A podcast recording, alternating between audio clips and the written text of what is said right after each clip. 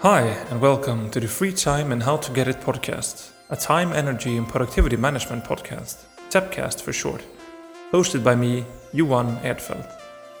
The goal of every episode is to provide you with something useful to increase your time, energy, and productivity management skills, and hopefully give you a more fulfilled life.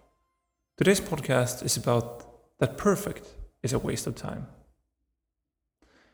Everything doesn't have to be perfect. The fact is that most things don't have to be perfect. The thing with things, no pun intended, not being perfect is the most of the time not a problem, but actually a gift. Imagine for a moment that your draft report is your final report. Isn't that nice?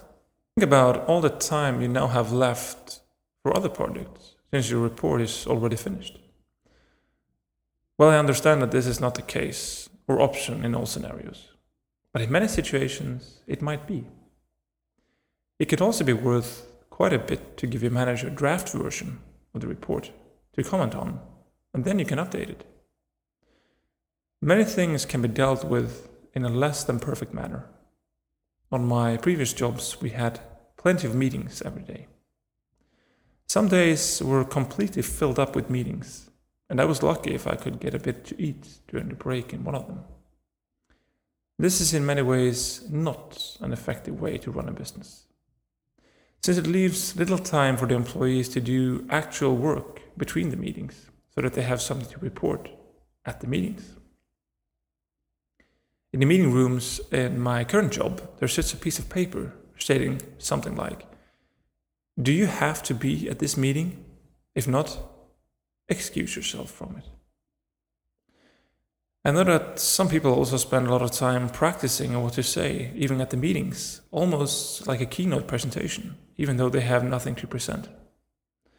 I did not spend my evenings preparing every phrase to be uttered in these meetings. Instead, I worked on the project data, on the project data creation, so that I had something to present at the meetings in real terms.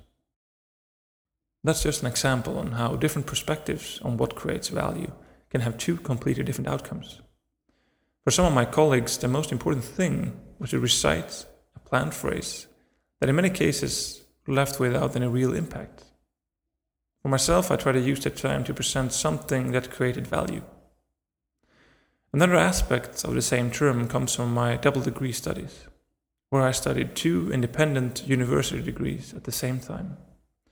I studied my master's in engineering, biotechnology, and a bachelor in business administration and economics.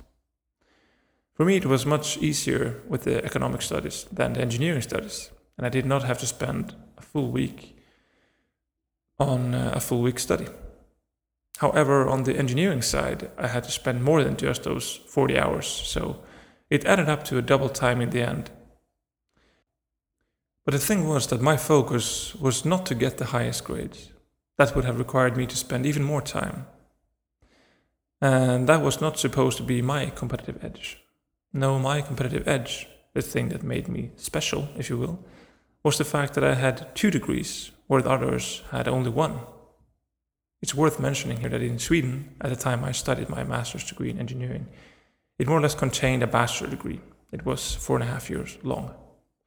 So then when I say I have two degrees, I in theory actually have three and when we're on the subject of degrees, I am finishing my MBA degree that I've studied simultaneously with my full time job in the summer of 2017.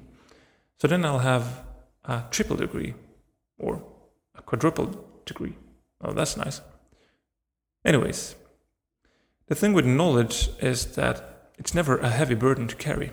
You can always get more of it, and it will only expand your mind and make you understand the world better less perfect you are in this aspect, the more things you'll be able to experience. But it, this doesn't mean that you should be sloppy or lazy. It means that you'll do many things in a short period of time to a high standard. That concludes today's episode about that perfect is a waste of time.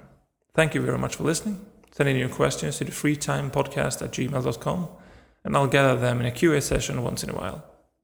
Be sure to check out all my other projects on johanerdfeld.com, comment on my free time podcast page on Facebook, listen to my music on Spotify, try out my finance management tool for your household economics, and why not read a poem or two?